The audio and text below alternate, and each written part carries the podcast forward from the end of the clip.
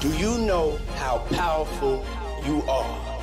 If you want to build something big, hard work is the first, second, and third part of the formula. Welcome to Actors Podden. Give the word life and learn from the brilliant minds that are reshaping Sweden. Anybody can do it. Connect with entrepreneurs, small business owners, and thought leaders that will help you reach your highest level. We're going to do this together. This is Actors Podden with Johan Moder Johan Mortensson. Så ja, varmt välkomna Sverige till Företagssnack. Jag heter Johan Modo, Johan Mårtsson och jag har med mig Magnus Thulin här som var på semester förra veckan. Jajamensan, jag var ju på lite semester, det kom upp lite andra grejer där, lite akut. Eh, så jag fick, men jag fick en bra- riktigt bra standing måste jag ju säga. Så ehm, det funkar väl ändå. Jag känner att fan, jag har inte varit med nu på två veckor så jag är lite nervös här. Alltså det, det var därför jag tog med ett litet, eh, en, liten, en stor klunk vin här för att stilla nerverna lite.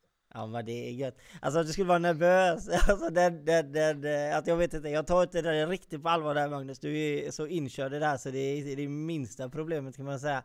Eh, vi ska se nu. Per fick in, jag ska vi se, det finns alltid en räv och en glad min när man lyssnar till Magnus Thulin. Kära Johan ser ut, ser ut som en mjuk en, dock är han slipad och vass i truten. Då kör vi full fart framåt. Ja, det är helt underbart Per. Ja, per är ju ganska rolig. Han brukar ju säga till mig sådär, du vet att jag är ju Ja, men jag försöker ju ändå vara positiv och snäll och glad och sådär, men jag har alltid en räv bakom örat och det, ja, det stämmer nog lite. Alltså, eh, man kan vara snäll och trevlig och sådär, men man får inte vara dum. vet. Nej, det ska man inte vara. Det ska man absolut inte vara. Tony säger hej på er båda, kul att Magnus är tillbaka.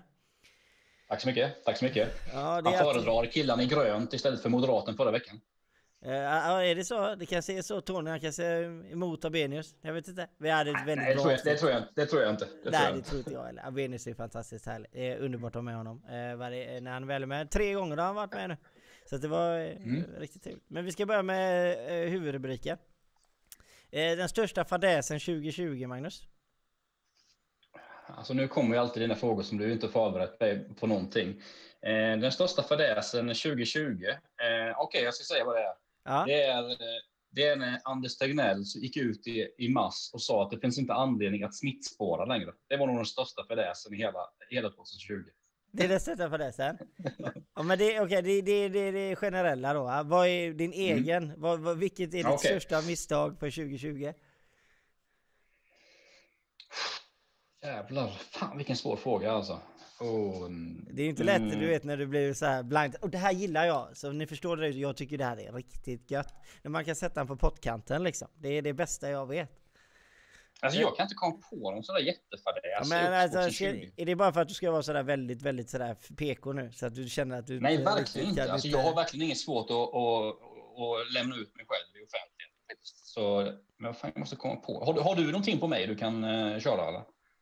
Det största misstaget som vi- jag var med om förra året, eh, det var ju Ja. faktiskt när vi köpte, vi köpte en ny bil. En, en, en helt ny bil liksom. Ja visst, och så hade vi en, en gammal bil som eh, eh, en Vivaro som, som har varit med oss väldigt länge då, så skulle vi göra oss av med det. Så köper vi in den nya bilen, en Caddy, köper vi in den nya bilen och så kommer den nya bilen in och så är det fel på den nya bilen och då tänker jag ju så här att shit, Ja, alltså du vet, och du vet, ja, och då är det så att den gamla bilen är lite skruttig då va, och den startmotorn bör- hade börjat ge med sig på den. Så vi stod ju och knackade på den om man vet hur man gör. Man stod och knackade på startmotorn så kommer ju bilen igång liksom. Ja, men då vet man det att man har ju bara ett par gånger och knacka på startmotorn Absolut. innan, innan den inte startar då. Nej, och, och så då kände jag det att Nej men eh, vad, hur ska vi göra nu då? Men då ringer man ju ner och bara vi behöver lämna in bilen och så säger de att ja eh, om en månad kan ni lämna in den nya bilen. Så bara shit jag kan ju inte stå här utan. Så då, då, då var jag tvungen att, att eh, lämna in bilen, reparera bilen och det kostar ju typ en 10 000 någonting reparera bilen. Eh, och, så eh, min stackars montör, alltså min kollega som har behövt hoppa mellan de här, alltså mellan alla bilar. Alltså det är nog det största eh, misstaget eller fadäsen för 2020 alltså. Det, vi skulle aldrig köpt en ny bil. Men alltså det är ju ganska roligt att du säger detta Johan. Jag har inte en aning om du säger detta. Men när jag tänker efter så har jag ju min största fadäs garanterat i relation till bil också. Eh, jag hämtade ut min nya bil i, först, ja, i början på juli någon gång. Och ungefär två veckor efter det så var det någon jävla idiot som backade in i min bil eh, på en parkering och stack därifrån och lämnade ingen lapp eller någonting. Det är nog min största fadäs. Alltså så mycket som jag kokade då alltså. Det, Alltså jag, jag har inga problem att folk, alltså folk kan göra fel. Man kan backa in i andra och hit dit sådär. Men när man inte ens lämnar en lapp och typ eh, står för det man har gjort, det, då blir jag riktigt förbannad alltså. Men det, det bästa är ju när människor står och skriver lappen och skriver man Jag skriver en lapp här nu bara för att det är någon som tittar på mig. Så. Ja, ja, ja. Ja. Nej, herregud. Nej men annars, annars eh, fadäsmässigt, alltså det, det är klart. Jo, jag vet min största fadäs. Det kostar 50 000 tror jag. Min, eh, det var min största fadäs 2020. Eh, eh, det var ju så här att vi skulle räkna kabellängd. Eh, sådär, sådär va. Och så, Mm. Så gör jag fel i uträkningen. Ja, du räknar fel ja. ja. Ja, så att eh, jag trodde ju då vi skulle gå med en, jag gör det, säger det väldigt lätt, en 16 ampere kabel och så slutar det med att jag behöver dra en 25 ampere kabel på grund av spänningsfallet blir så högt. Skitsamma, jag behöver inte gå in i, i det tekniska. Men det slutar med att vi byta ut en kabel till en annan kabel och det kostar 50 000. och då kände jag mig inte jätteprofessionell kan den jag är säga. sur alltså. Den är Ja. sur alltså. Ja. Men kan du återanvända den kabeln? Eh, nej, ja, vi kan ju, ja, vi kan ju åter, ja, vi köper, behöver ju aldrig köpa ut den. Så att eh, vi köpte Nej. ut den rätta, så att vi behöver inte bli av med, Ja. den, med den gamla. Alltså jag hade en sån, eh, för några år sedan så köpte jag in, eh, jag var en jättestor kund i Stockholm, eh, en, en av de stora mobiloperatörerna. Och de behövde beställa en jäkla massa mm, sån här displayportkabel. Du vet vad det är va? Det, är ju, Ja, det ser ju likadant ut som en HDM ungefär. Fast som bara efter datorer. Och jag köpte hem mängder av sådana då. Eh, och sen när jag levererat alla så insåg jag att jag hade köpt typ 200 för, för mycket. Så jag har, jag har, jag har typ 199 HDMI, eller vet du det, displayportskablar på mitt, på mitt lager. Så om det är någon där ute, vi kan ju passa på här nu då, om det är någon som är i behov av displayportskablar som har kanske lite större kontor eller någonting så lovar jag att ge ett alltså, riktigt bra pris på kablarna. alltså det är till och med in, inköp och jag blir av med grejerna liksom. Nej, Ja. jag, jag, jag, Men du, apropå, apropå det Johan, har du provat att köra, har du provat att sälja någonting på Facebook någon eh, vad tänker du? Ja, men jag Ja, det här testar. Market. Ja, Eh. alltså jag, jag har inte provat det innan och jag och min tjej då, vi vill sälja en byrå. Så jag la upp den igår. Ehm, så vi har haft den ett år ungefär, men vi har bytt lägenhet och vi har inte riktigt plats för den nu då, så vi tänkte sälja den. Så la jag upp den igår med bilder och allting och sådär. Och, då, drog vi av, då tog vi det för halva priset, vad nypriset var då, eller typ 60 procent av nypriset ungefär. Jag tänkte, ja men det är väl fair, liksom, den är nu ett år gammal. Den är ändå helt jättefint skick och sådär. Och du vet, jag la ut den, det var ju helt sjukt. Det bara ramlade in förfrågningar alltså. Och så eh, jag För billigt här nu alltså. för billigt. Ja, för det var, billigt. exakt. Så jag, jag insåg ju då att det här sålde jag mig lite för billigt. Men det fick, fick ju en, liksom, en entreprenör att börja tänka lite att jag har ju så jävla mycket grejer som ligger överallt. Man har ju gamla telefoner och allting. Så jag menar i sådana här krislägen som det är just nu i ekonomin. Jag tänkte jag, tänkte jag skulle bli en liten eh, Facebook eh, market eh, säljare hit här nu de närmaste veckorna faktiskt. Jo men alltså det tror jag, om man tittar på, om man är lite sådär, jag är ju inte jätteofta inne och tittar men man är inne och tittar. Så jag menar Magnus, underkläder går ju väldigt bra. Det är ju bara att du använder dem, använda av Magnus, tusen Ja, kronor. ja, Ja, ja, jag använder ju bara string. Vet du, så Ja, men- ju- så, men alltså åk ner till Ullared, köp dig 100 Ja. pack och så tar du på dig Ja, av ja, bara. Det finns, inte, det finns inte så stora storlekar som jag behöver. Det Ah, så jäkla nätt. Ja. Sluta nu. Alltså du ville, ville du att jag skulle säga att du är väldigt trimmad du Magnus eller var det det du var Jag är inte så jävla trimmad just nu. Bu, bu, buken är lite för stor nu för tiden tyvärr. Okej, ja det är som det är faktiskt. Ska vi se nu, eh, Ja. eh, Per säger eh, Thulins största misstag 2020 kan många av oss andra berätta. Eh, men vi har fått bra Mhm. betalt för att inte berätta, jag är rik. Nej, men jag kan faktiskt säga om man skulle vända på den här frågan och säga.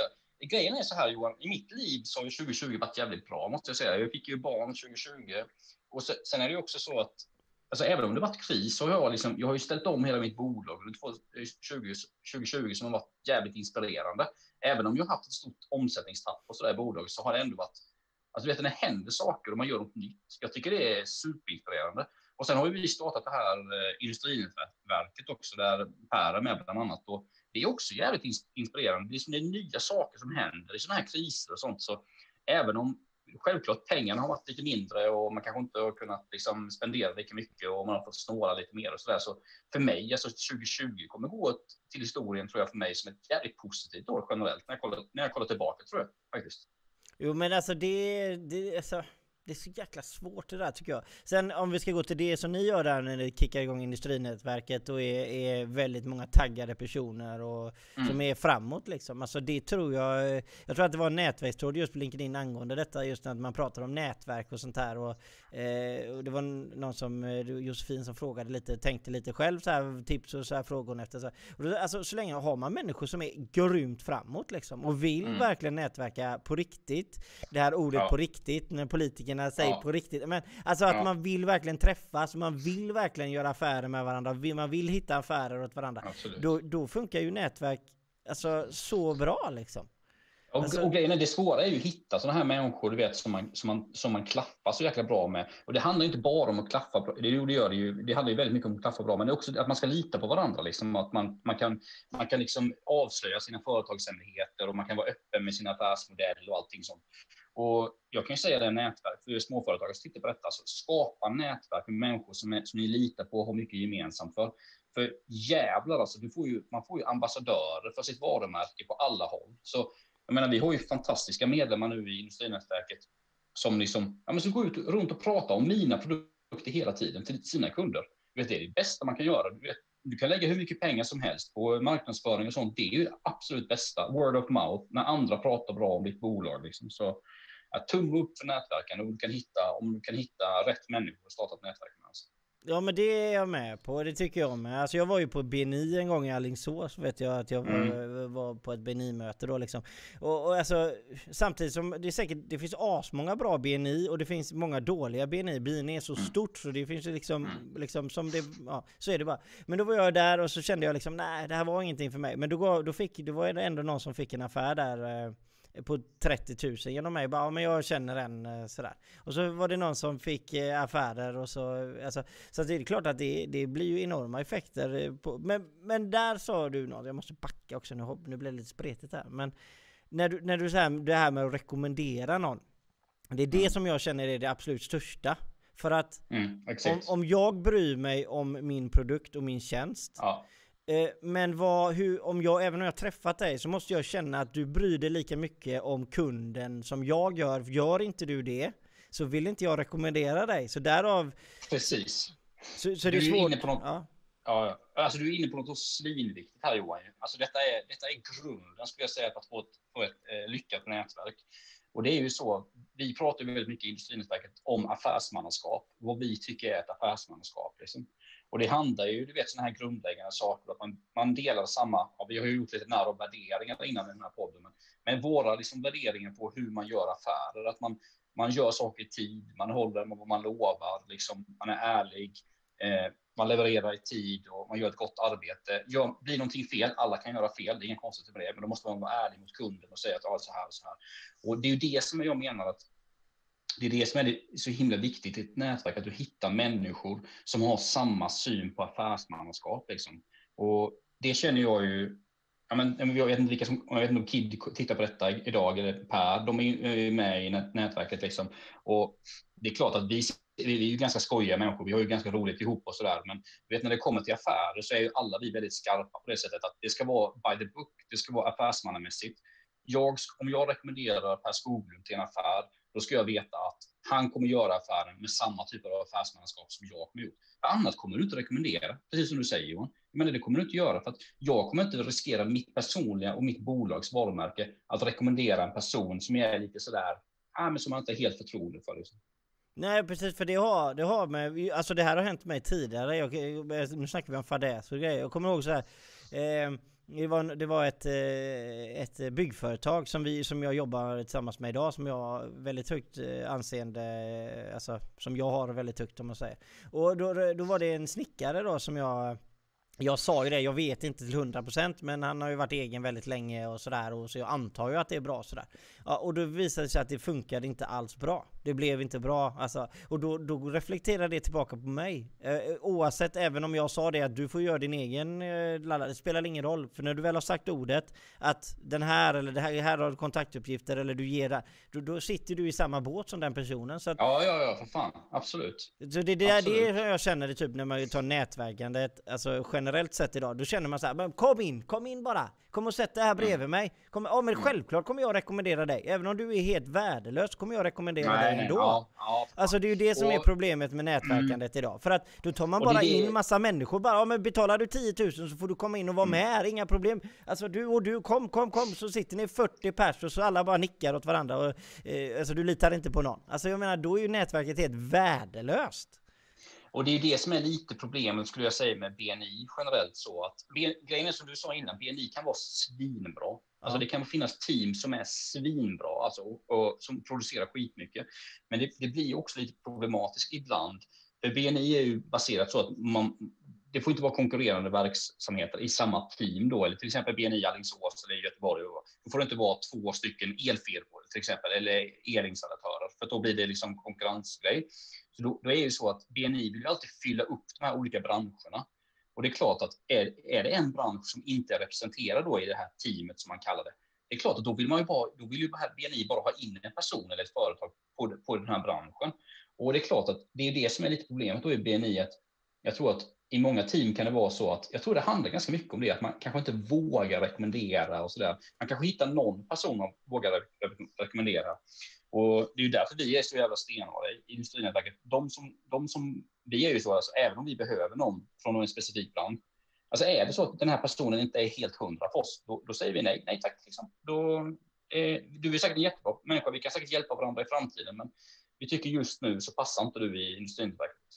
Nej precis, och det är det som är det absolut viktigaste idag. För att jag, jag tycker att man ställer, man ställer på tok för låga krav. Alltså kravbilden, Hela samhället är så ju. Jo men alltså kravbilden måste vara lika hög på allting det du, du vill ha gjort. Det är, alltså, som, sätter du en kravbild att under det här, så här, det här, så här ska det vara, då, då betyder inte det att jag ska sänka min kravbild bara för att.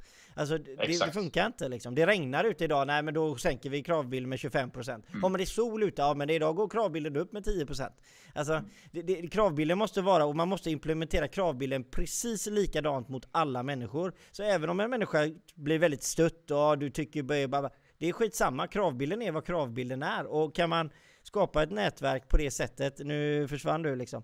Eh, Ja, jag fick, det var någon som ringde. Ja precis. Och, och kan man göra det, och jag, jag vet att Johan eh, är med i BNI här, Härryda och, och han pratar väldigt, väldigt gott om, om Mm. dem. Och jag tror att det, hittar man de grupp, grupperna liksom så är det fantastiskt bra. 100 procent. Ja. 100 procent. Och det är, det är precis det jag menar. Alltså det finns BNI-team som är svinduktiga och som levererar galet mycket affärer och har skitroligt ihop. Och så finns det BNI-team. Men det, vet, det är ju likadant med alla typer av nätverk och sammankomster och sånt. Det gäller att få ihop en grupp som fungerar bra ihop. Liksom. Då, då, kan det, då kan det bli ruggigt bra. Alltså. Jo men, jo men så är det ju och, och blir, det, blir det så bra att man väl kommer ihop sig och verkligen, eller inte kommer ihop sig utan man väl går ihop i en grupp och verkligen kämpar för varandra och man är en åtta, nio styckna, något sånt där. Det, alltså det blir, problemet är att det får inte bli för många, då får man ju skapa olika grupper. Men är man mellan, okej säg 50-20 då, då eh, och, och, och jobbar bra tillsammans och man har någon man rekommenderar så är det asbra. Mm. Men, men frågan är ju bara då alltså hur mycket affärer Eh, alltså affärerna är ju väldigt viktiga i pengar givetvis, men det har med omsättning och vinster att göra. Men sen handlar det ju också om alltså, vad du bygger på sikt. För jag menar, alltså all marknadsföring kan man ju se till direkt marknadsföring eller så kan man ju se det, det som kommer längre fram. Jag menar det som du håller på med Magnus, det är ju inte direkt så här ofta så bara ja, idag så vill jag ha nyckeltal. Alltså, Mm. det är ju någonting som successivt behöver jobbas in att ah, okej, ja men det här kanske hade varit bra att ha i lobbyn, du vet när kunderna kommer in här och ser grejerna. Det kanske inte är någonting som man tänker på det första man gör, bara ah, men det där hade varit bra. Utan det är ju alltså, alltså eller det är ju grejer man måste ju alltså bearbeta länge liksom. Ja, ja, ja. Nej, det, är, det är precis som du säger. Liksom. Och, ja, och sen, ja, du var ju inne där typ vad det gäller liksom, sen handlar det ju väldigt mycket om typ eh, ROI, liksom return on investment. Alltså går du in i något nätverk, typ vare sig industrinätverket eller BNI eller vad det nu än är, liksom, då, då kostar det ofta en medlemsavgift. Liksom. Och den här medlemsavgiften eh, varierar från olika nätverk, men jag vet att BNI är typ 12, 13, 14, 15 000. Liksom. Ungefär samma sak i, i industrinätverket. Och, men det är ju så att då, det här måste ju gå hem väldigt snabbt. Alltså man, jag, jag är väldigt så, jag vill ju ha ganska snabb eh, return on investment om jag går in i ett nätverk. Liksom.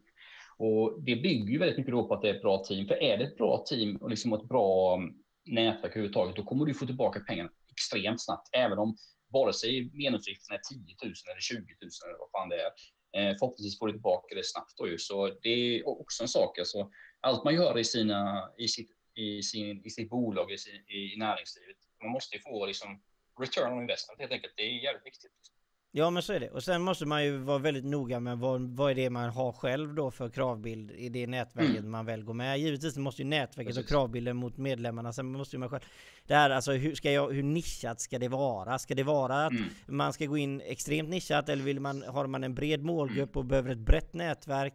Alltså vill man vara, är man lokal, är man nationell, är man global? Ja. Alltså du vet, alltså det finns väldigt mycket alltså, saker som man ska ställa sig innan man går in. För att det är en grymt stor investering i tid. Alltså av dig som person. Exakt. Det är ju det absolut mesta. Tiden är ju, alltså tid är pengar alltså. Så är, så det. är det ju. Och jag så, menar, du lägger mm. du ner eh, jag menar, Per vet jag ju och lägger ju ner mycket tid på det. Eh, och, och, det vet jag att du och Kid också gör. Men alltså, eh, Alltså lägger ni ner liksom fem timmar varje vecka och ni är fyra stycken så lägger ni 20 timmar varje vecka.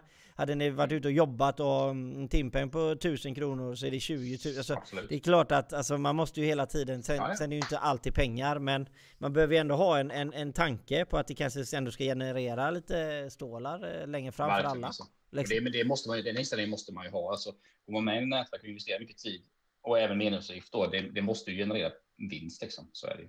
Jo men alltså det är ju ingen, det är ingen förening liksom. Alltså det är nej, ju det, nej. Det, alltså, det, nej. det, alltså folk är ju med där för att det ska... Men, men det tror jag är ganska, alltså jag tror det är jävligt viktigt för att när vi startade Industrinätverket, jag, några blev lite chockade när jag sa det i vårt första möte att jag är inte här för att ska, ska, liksom skaffa kompisar.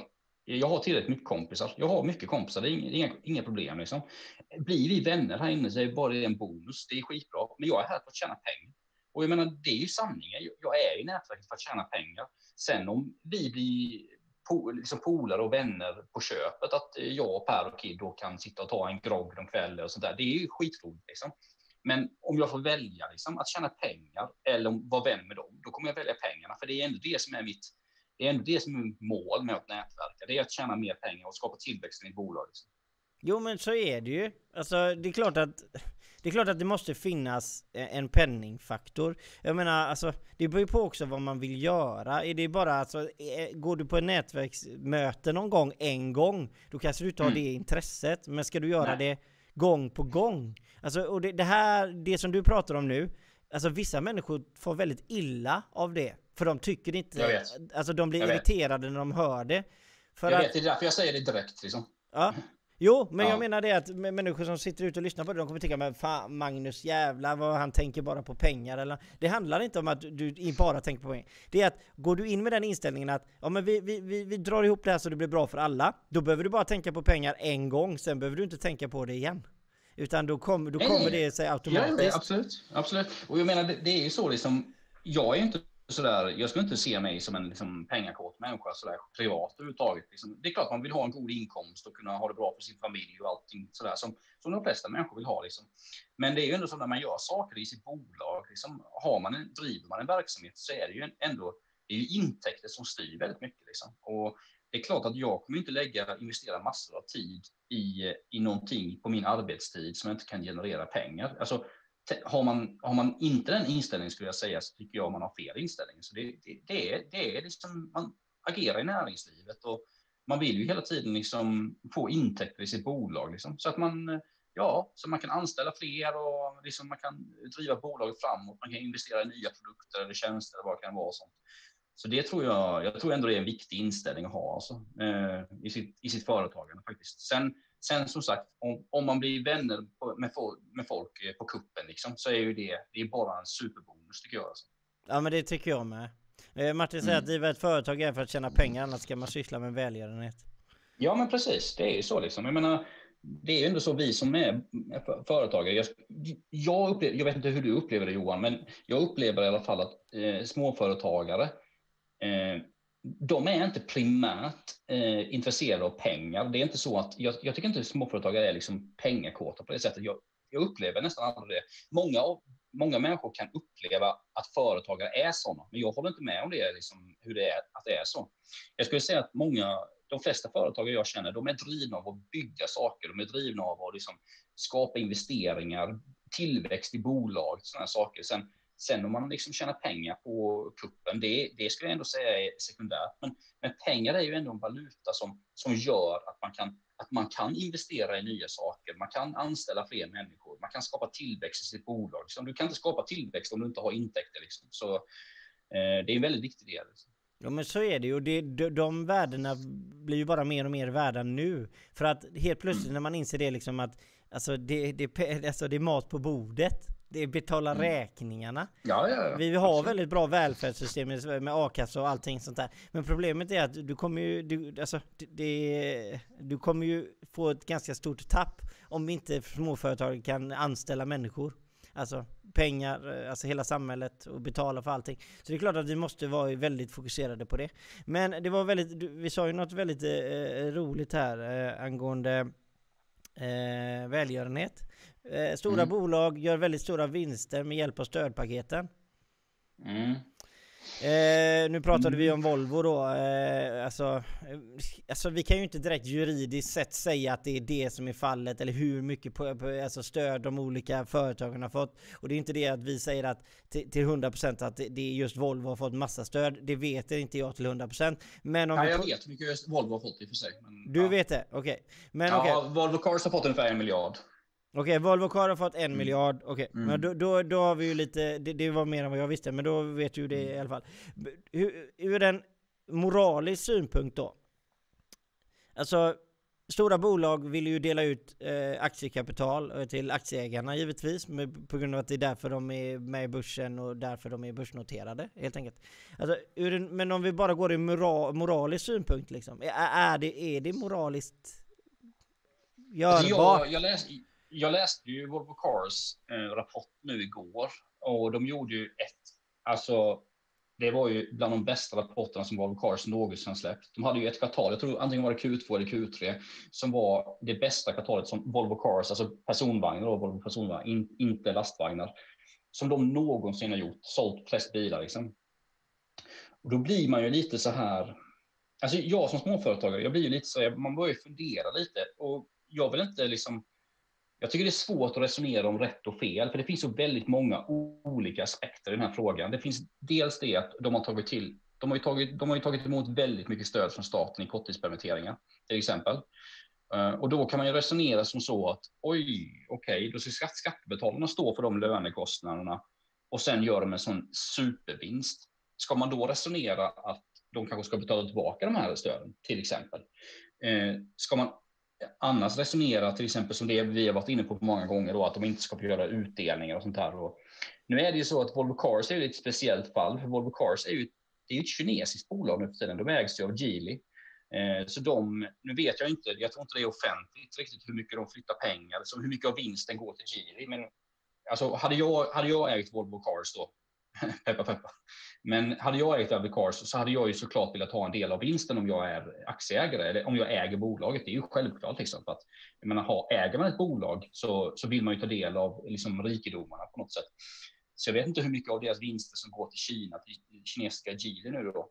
Och då blir jag lite sådär, alltså det är lite svårt det här, för då, då har ju de i princip liksom skapat den här vinsten dels för att de är svinduktiga. Volvo Cars har ju varit jätteduktiga de senaste åren på att marknadsföra sin produkt, så det ska de ha cred för. Men de har ju samtidigt tagit emot väldigt mycket stöd eh, från staten som indirekt då flyttas till ett kinesiskt bolag. Inte allt kanske, men delar av vinsten. Liksom. Och då, då, får man ju då i, fall, i så fall väga detta. Vad är, vad är alternativet då? Att, att Volvo Cars hade sagt upp alla de här människorna som de permitterade och att de inte hade kanske kunnat skapa Eh, hitta arbetskraft nu då när det har gått så himla bra. Och det hade antagligen genererat en lägre vinst till, eh, till Volvo Cars och också då en lägre bolagsskatt i, i sin form till svenska staten, till skatte, eh, skatte, skattebetalarna. Så detta är en jävligt svår fråga, men jag kan tänka mig i alla fall då att det finns en hel del småföretagare där ute som känner att Alltså jag tror att det finns väldigt många Johan, alltså småföretag som känner att de har blivit bortglömda den här krisen. Alltså. Jag tror det är så. De, de, de läser liksom finanstidningar hur många av de jättestora bolagen, typ AB Volvo eller Volvo Cars eller Scania, som här som har tagit emot jättemycket typer av olika stöd under den här krisen, medan den lilla företagaren har kanske inte tagit emot någonting nästan. Och det, det stör Jo men jag, jag, jag, samtidigt, jag håller med dig och det är därför jag säger moralisk synpunkt eftersom Mm. det är egentligen det det handlar om. Sen är det, tycker jag också att man, får, man måste liksom, alltså man får inte jämföra alltså, päron och äpplen utan man får jä- jämföra päron och päron. Eh, det som man måste tänka på då i det fallet, inte för att vara liksom negativ mot småföretagare, för jag tror ju också det, det är ju så här att hur många kronor per anställd har ett sånt bolag Mm. fått? Alltså om vi säger att typ jag får 10 000 och vi är fem styckna liksom. Okej, ja, men då är det eh, 2 000 kronor per person. Och så får de eh, Volvo en miljon till exempel. Men så är de alltså 20, ett- alltså 10, 2 Absolut. 000 anställda så är det uppe, Absolut. uppe på samma pengar. Så att eh, man måste nog tänka också till antalet storleksmässigt eh, just när man ser till bidragen. Men sen är det ju då att Ja. Alltså det, det är som sagt det är jättesvåra frågor. Jag har ju varit för med att ta ut utdelningar tidigare och det är jag fortfarande. Men alltså jag tycker att det är det, alltså vi behöver få likvida medel ut i verksamheterna och jag tycker att, att, att man har inte fått ta ut utdelningar i bolagen gör ju att vi stannar av nu istället. Hade vi, hade Trots då att du har fått stöd då, men om du väl hade fått göra utdelningar och de här miljarderna hade kommit ut i samhället så att folk hade fortsatt köpa grejer. Jag, jag tror att det hade varit mer positivt än att man bara säger nej, nej, nej, nej, nej, nej, ni får inte. Och så stannar, så brinner det inte, de brinner ju inte inne men de läggs på hög istället. Alltså, ja, jag Och det är ju såklart, eh, det är såklart, eh, det, det finns ju så otroligt många resonemang man kan ha här och det är därför det, det, den moraliska aspekt, aspekten är så himla intressant för att Eh, alltså den ekonomiska e- effekten kan man ju säga, precis som du säger där Johan, att eh, utdelningen skapar ju konsumtion liksom. Eh, I alla fall om man säger småspararna skapar det garanterat konsumtion. Om, om, små, om småspararna får liksom en utdelning till sitt ISK-konto på Avanza eller vad det kan vara, så kommer ju säkert många antingen att de återinvesterar i nya bolag som får pengar då, eller att de konsumerar det kanske på Emporia eller Frölunda på kläder eller vad det kan vara. Så det finns ju definitivt bra liksom, samhällsaspekter vad det gäller utdelningar, 100 procent. Sen finns det också utdelningar som går då till andra typer av bolag som går till extremt starka ägare som redan har väldigt mycket pengar som kanske lägger det på hög under viss tid. Sen kan det också då ge utdelningar till det som jag snackade om, AB, eh, Volvo Cars, till bolag som agerar någon helt annanstans i världen, liksom, medan man samtidigt har tagit eh, olika typer av stöd. Då. så det, och jag, jag förstår ju självklart att, jag menar, som en regering eller som en riksdag, det är, jag menar, i en sån här kris, om man, om, man, om man väljer att ge stöd till bolag, då kommer det komma väldigt mycket moraliska aspekter på köpet. Liksom. 100 procent. Det kommer komma. Det Jo kommer men det komma måste ju, där är måste ju det ju vara stenhårt reglemente att alltså just att man, man får inte hämta skattebetal, skattepengar som betalas ut i Kina. Alltså Även om det går bra, alltså på något sätt så måste man ju ha ett reglemente så att det gör att man, alltså nu finns det ju väldigt stora globala företag eh, Givetvis så det är ju svårt att kanske gö- ens göra det i verkligheten. Eh, jag tror Det är svinsvårt tror jag. Juridiskt sett tror jag att det är väldigt på grund av att då kanske andra blir eh, alltså eh, det, det, det kanske inte går att utföra i verkligheten men moraliskt sett så tycker jag ju givetvis så att om aktieutdelningar som eh, kommer på grund av svenska skattebetalare till exempel är, är Mm. en del i så ska ju de pengarna i så fall omvandlas i Sverige inte skickas ner till ett annat land. Men är, tycker då, jag. då är ju frågan om du ens får göra så inom, inom ramen för Det ES. tror jag säkert inte men om man Nej, frågar jag hur jag inte det, alltså. tycker då för att Ja, för ja min- absolut. Och, nu, och, nu, och då resonerar vi om moraliska grejer här. Det blir, Ja. det blir väldigt, det blir väldigt komplicerad diskussion detta, alltså, för det, det finns inget svart eller vitt på den här frågan. Alltså. Men, men så ehm, allting handlar ju om egentligen, vad, vad, är, vad är ditt slutmål med det? Alltså vad är det viktigaste för dig i slutändan? För att om Mm. du blir matad med, eh, jag, jag vet inte hur många gånger jag har blivit sådär riktigt jävla förbannad när man går in på SVT Text-TV till exempel så ser man där eh, bla bla bolag gör en miljard i vinst och så bara går man in och tittar, men de omsätter ju du vet eh, 1500 miljarder liksom. Det, det, är liksom det är inte så många procent i vinst. Mm. Nej, nej. Nej, men då Nej, skriver men det man ut bara- pengarna bara bara för att det ska se ja. ut mycket ut Ja, ja. till exempel. Ja. Ja, men allting handlar om att hur ser man eh, vad vill man ska slutmålet ska vara? Mitt slutmål ska ju vara att, att vi i Sverige och givetvis alla de vi har affär med, att, men just Sverige då, att vi ska ha en bra arbetsmarknad, folk ska ha jobb, eh, vi ska, man ska kunna möjliggöra sin dröm. Köpa hus, köpa husvagn, köpa hund. Mm. Alltså köpa kläder till, till, till sin dotter eller sin son Mm. till exempel. Alltså de här, det, de grejerna är att folk har ett jobb. Alltså har man ett jobb, då, då kan man möjliggöra sina egna drömmar liksom. Det är nog det som jag anser är det absolut viktigaste. Att människor har ett jobb, att man har en gemenskap på jobben. Sen givetvis Mm. att arbetsgivarna är bra då, men att man har en gemenskap, man, man har roligt på jobbet. Man, jobb gör så otroligt mycket liksom. Ja, och det Ja, är, mitt, det, det är mitt slutmål i, när jag tänker. Och då tänker Ja. jag att hur kan vi göra för att Sveriges arbetsmarknad ska bli så stabil som möjligt? Och då Mm. kommer det, ja men då spelar det ingen roll för mig om, om ett bolag gör uh, utdelningar och sen korttidspermitteringar till exempel. För att de pengarna omsätts och vi, alltså. Mm. mm. Men det, det är ju kanske fel. Jag, det, det, självklart finns det ju saker i det som gör att jag, nej men Johan det kanske inte är bra. Nej, det är sant, det är inte bra men ja. Alltså, jag vet inte. Alltså Johan, du vet hur mycket jag än vrider och vänder på den här frågan och läser saker och ting och sådär. Alltså jag, jag kommer bara tillbaka att det bästa var, som jag föreslog och som du också höll med om, det som vi snackade om i början på året, 2020, det är ju det här att man skulle, man skulle återbetalat skatter alltså, och droppat skatterna. Alltså, för det, då hade vi inte haft de här diskussionerna. Då hade du, du hade inte haft en diskussion på stora och små bolag. Då hade du fått tillbaka så mycket i relation som du har betalat in. Alltså är du ett litet bolag så har du fått tillbaka ganska lite pengar då. Är du ett stort bolag så har du fått tillbaka jättemycket pengar. Och på samma sätt om du hade droppat skatterna, till exempel arbetsgivaravgifter, eller vinstskatter eller vad det nu, vad det nu kan vara. Liksom. Det hade blivit samma där. Det hade blivit i relation till bolagets storlek. Det, hade, det är möjligt att detta förslaget hade kostat mer pengar. Antagligen hade det kostat mer pengar skulle jag absolut säga. Men i slutändan, vad detta kommer skapa, så tror jag ändå att det hade varit den, den absolut bästa lösningen. Alltså. Jo, och varför det hade varit den bästa lösningen, det är bara för att det hade blivit det minsta möjliga liksom påverkan för alltså, myndigheter. För att om man Ja, säger då ja, att absolut. till exempel, vi säger då att du, du ska få tillbaka 1% av skatten från förra året eller Mm. du, tio, alltså 5% eller det. Då får alla det oavsett om du är liten eller stor. Och, Mm. Exakt. och, och, och då kan man inte gnälla över att åh titta Volvo fick en miljard. Jo men det var 1%. Alltså, Ja, precis. det var en procent. Ja visst, du kanske Precis. tycker det är jättemycket pengar, men hur många anställda är de då? För att jag tycker Exakt. många gånger är att, eh, alltså jag älskar ju småföretagare liksom. Men samtidigt ibland så känner jag ju att stora företagare blir dragna genom skiten ganska mycket. Sitter detta än, för att krisen pågår ju fortfarande i pandemin och sådana grejer. Men ju, jag kan ju tänka mig att slut, liksom, att när man gör bokslut för hela den här krisen, det kommer ju ändå vara så tror jag att de bolag som är stora, som har anställda jurister, anställda ekonomer, hit och dit, det är de som kommer att gynnas mest av olika typer av eh, bidrag från staten. Och jag säger, inte att, jag säger inte att de har gjort fel, för de har ju bara utnyttjat alltså, den lagstiftning som finns. Så det är ju helt rimligt. Jag tycker till och med det är rätt att man gör det. Liksom. Men problemet blir ju då de här mindre och småföretagen då, som inte har möjlighet och kanske inte vågar etc. etc. och sånt då. Så jag tror vi kommer få en liten eh, Alltså jag, och jag tycker den är relevant den debatten att ha i framtiden, alltså hur vi ska hur vi ska hantera sådana situationer i framtiden. För att fler pandemier, det kommer det definitivt komma, komma om man lyssnar på... Men det här är en riktigt, riktigt rolig grej för att jag vet att om vi går tillbaka typ en 20 avsnitt eller någonting så, eller 10 avsnitt eller någonting så Mm. pratade jag om att eh, alltså det är för lite pengar.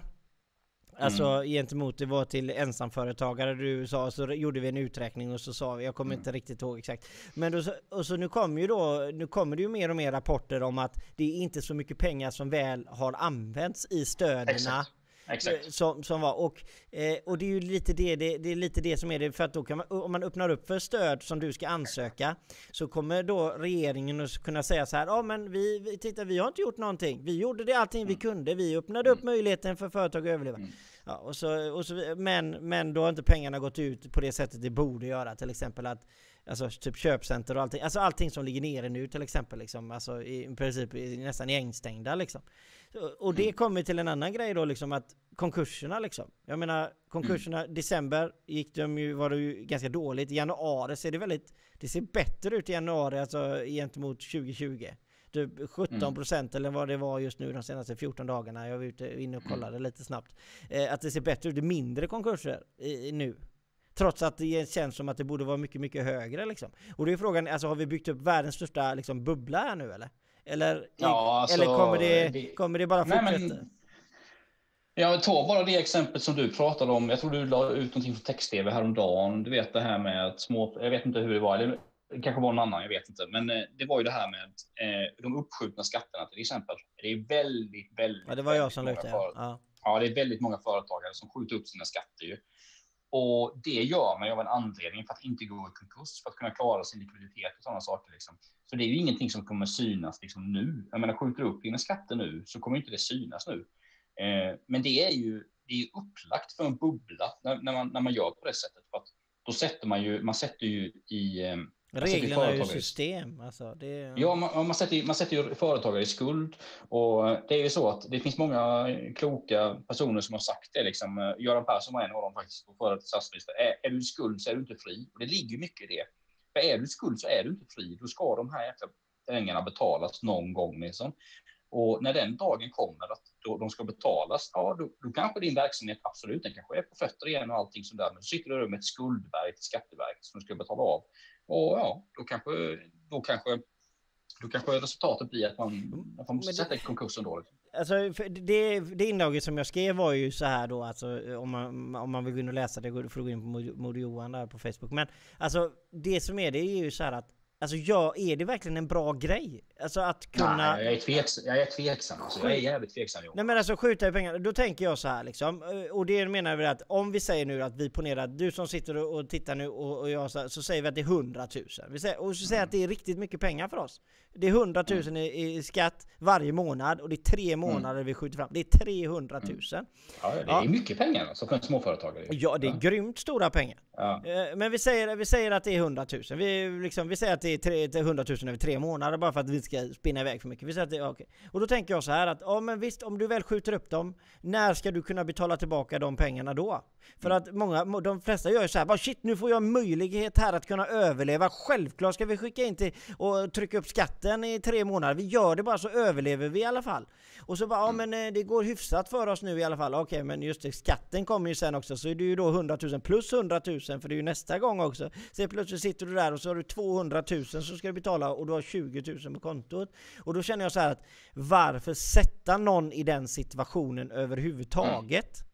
För att människor kommer göra det. Jag menar, de människorna som verkligen liksom småföretagare där ute som älskar sina anställda. Jag menar ju, det är därför de har kvar bolagen. Många av dem skulle jag vilja mm. säga har kvar sina bolag för att man har anställda. Och då, och då gör man allt man kan. Man, liksom, man har belånat, man belånar husen, man sk ja. skjuter upp skatten och sen kommer smällen. Istället för att Skatteverket hade sagt nej, du får inte skjuta upp skatten. Om du måste kursa så måste du kursa. Mm. Eller då att du får den här skatten av oss om du fortsätter. Alltså till exempel. Mm.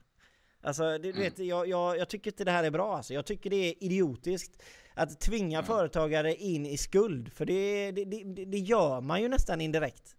Eh, ja, men det är jag... klart man gör. Det är klart man gör det. Och, alltså, det, det är väl som du säger, det blir ju indirekt. För att som du säger, alltså, väldigt, väldigt många småföretagare har ju en väldigt stor liksom, personlig prestige i sitt företagande. Liksom, att man gör allt för sitt bolag, att inte det ska konka. Liksom. Och det är klart, jag menar, sitter du där med anställda och du sitter med hus och hem och hela kittet hemma, räkningar måste betalas.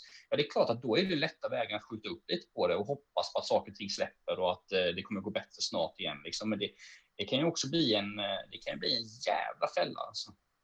Så att jag, jag hoppas ju att, alltså, det finns bra, alltså, sen är det så här, man ska inte vara man ska inte vara så här eh, alltså, demoniserande mot, mot allt och det ska man absolut inte vara. Alltså, utan själva grundtanken med det är ju givetvis att man vill ge möjlighet för företag att överleva.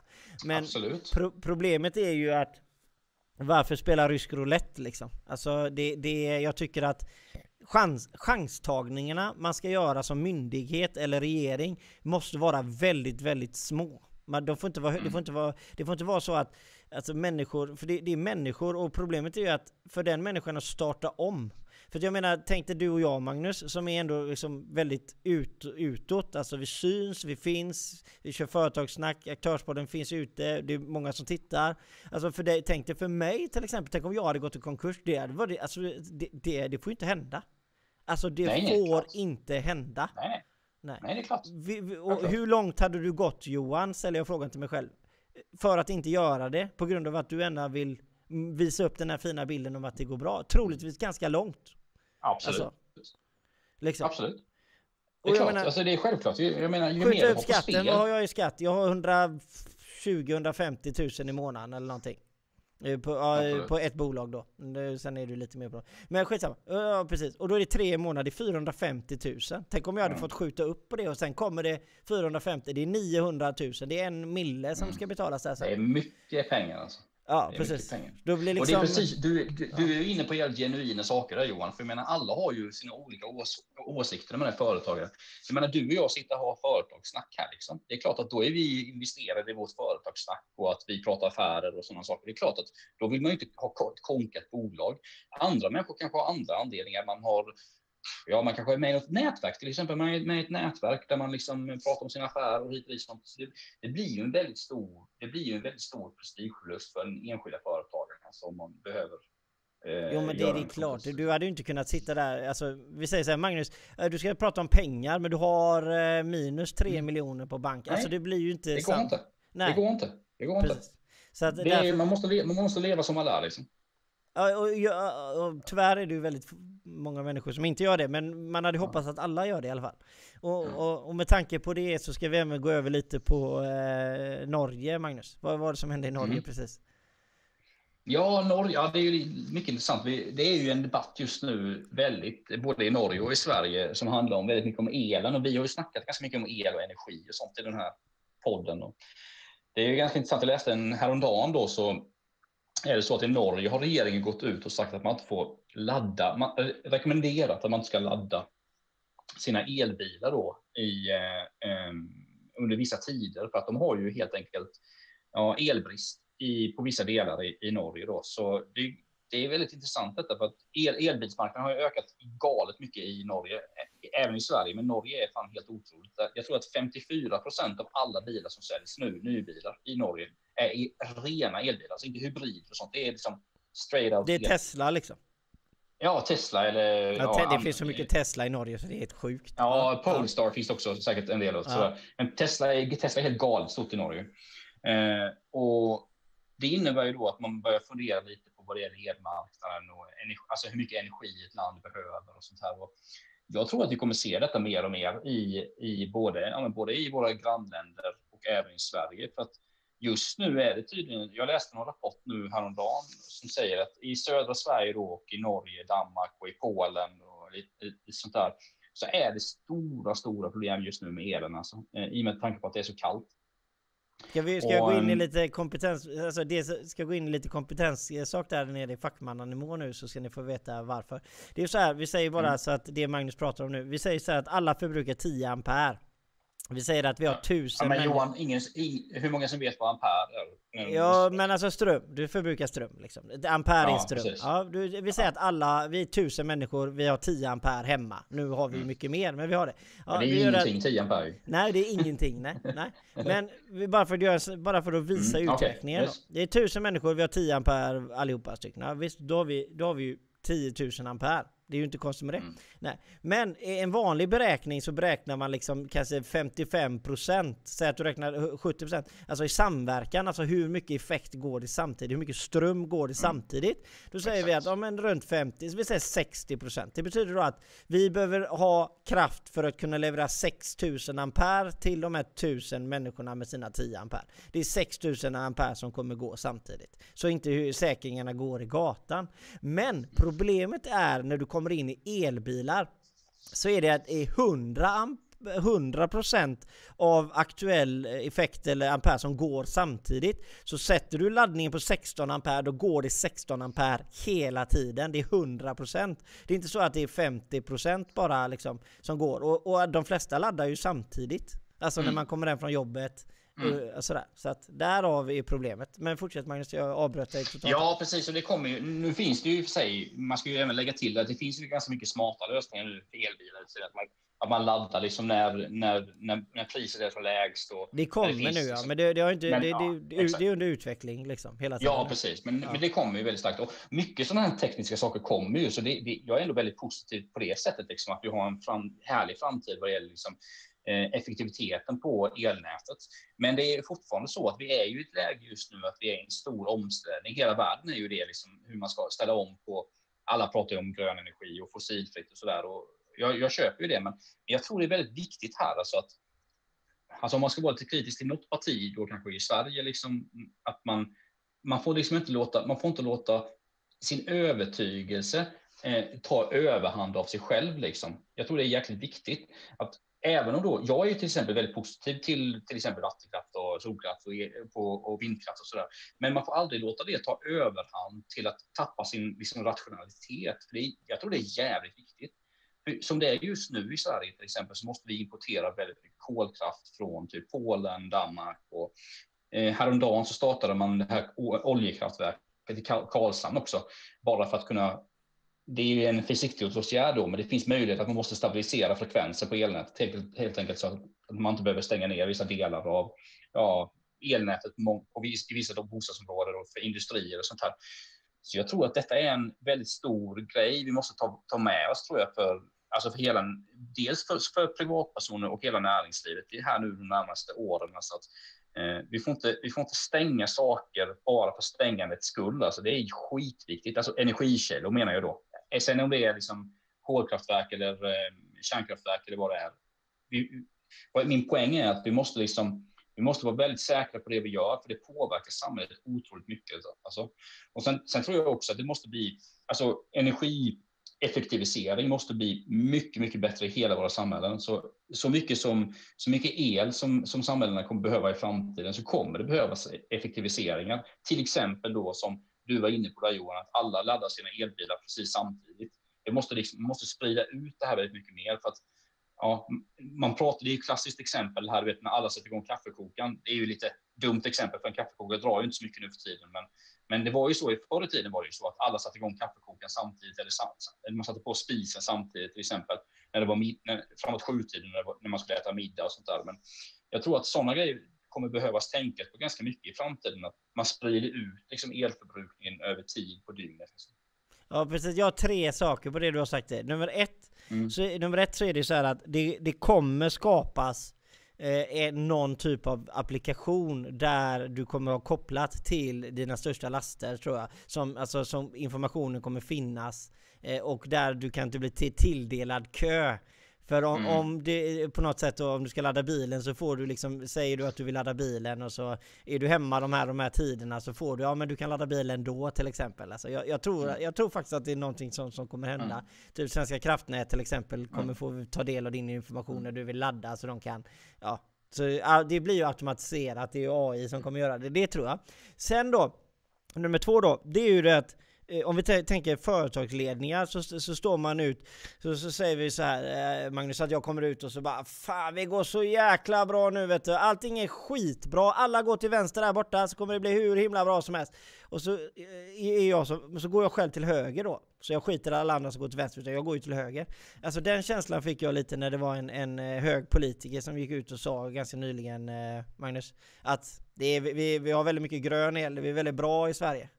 Eh, mm, ja, var det Bolund eller?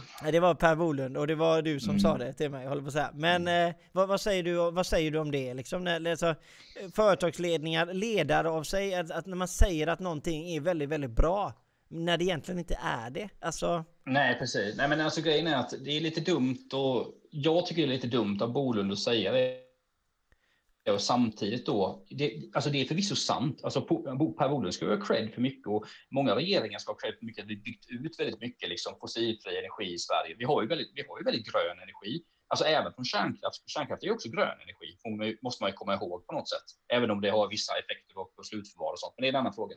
Så eh, då, då är det ju så att Ja, det, det, är sant att Sverige har det, men vi har det i vissa delar av Sverige också. Till exempel i norra Sverige har vi ju extremt mycket liksom energi eller ja, el då som man får i kontakten.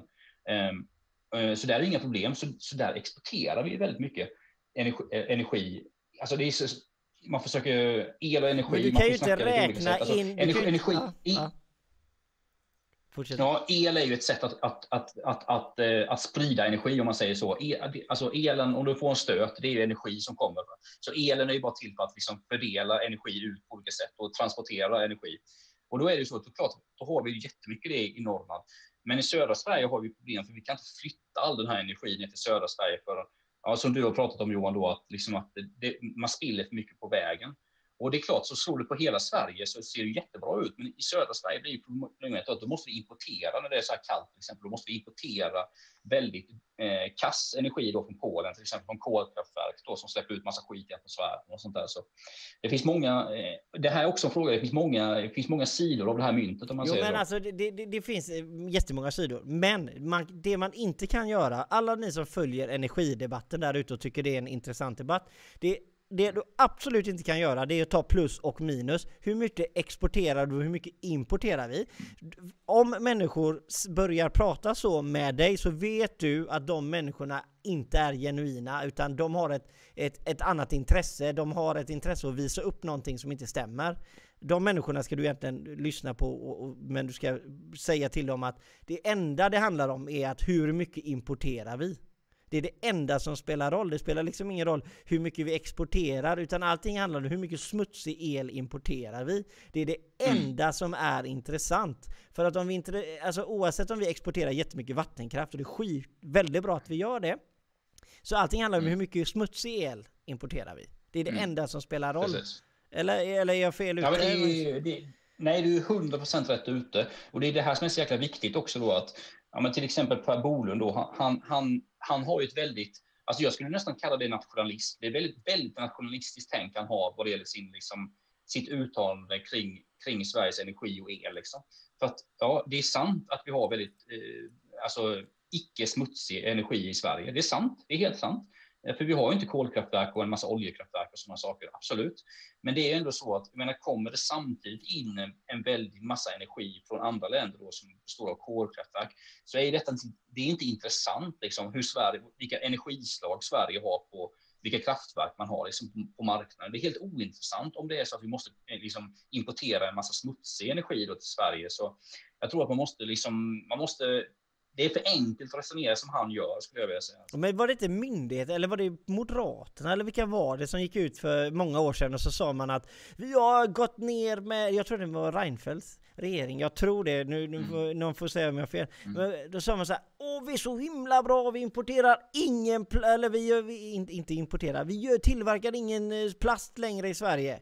Vi är så himla mm. miljövänliga i Sverige för att vi har dragit ner plast i, i Sverige. Och så, och så slutar det då att tittar man på siffrorna så ser man att vi, vi förbrukar ännu mer plast för vi importerar mer från Kina. Mm. Men vi tillverkar mm. inte här istället. Så att jag menar, alltså det är klart att man kan vrida och vända på saker, men om om människor är genuina och man verkligen bryr sig om saker och ting, då handlar det ju alltså globalt sett. Alltså energi är ju inte egentligen bara en, en Sverigefråga utan nu Det finns ju Parisavtal och vi ska liksom se, då, ja. då måste det bli globalt.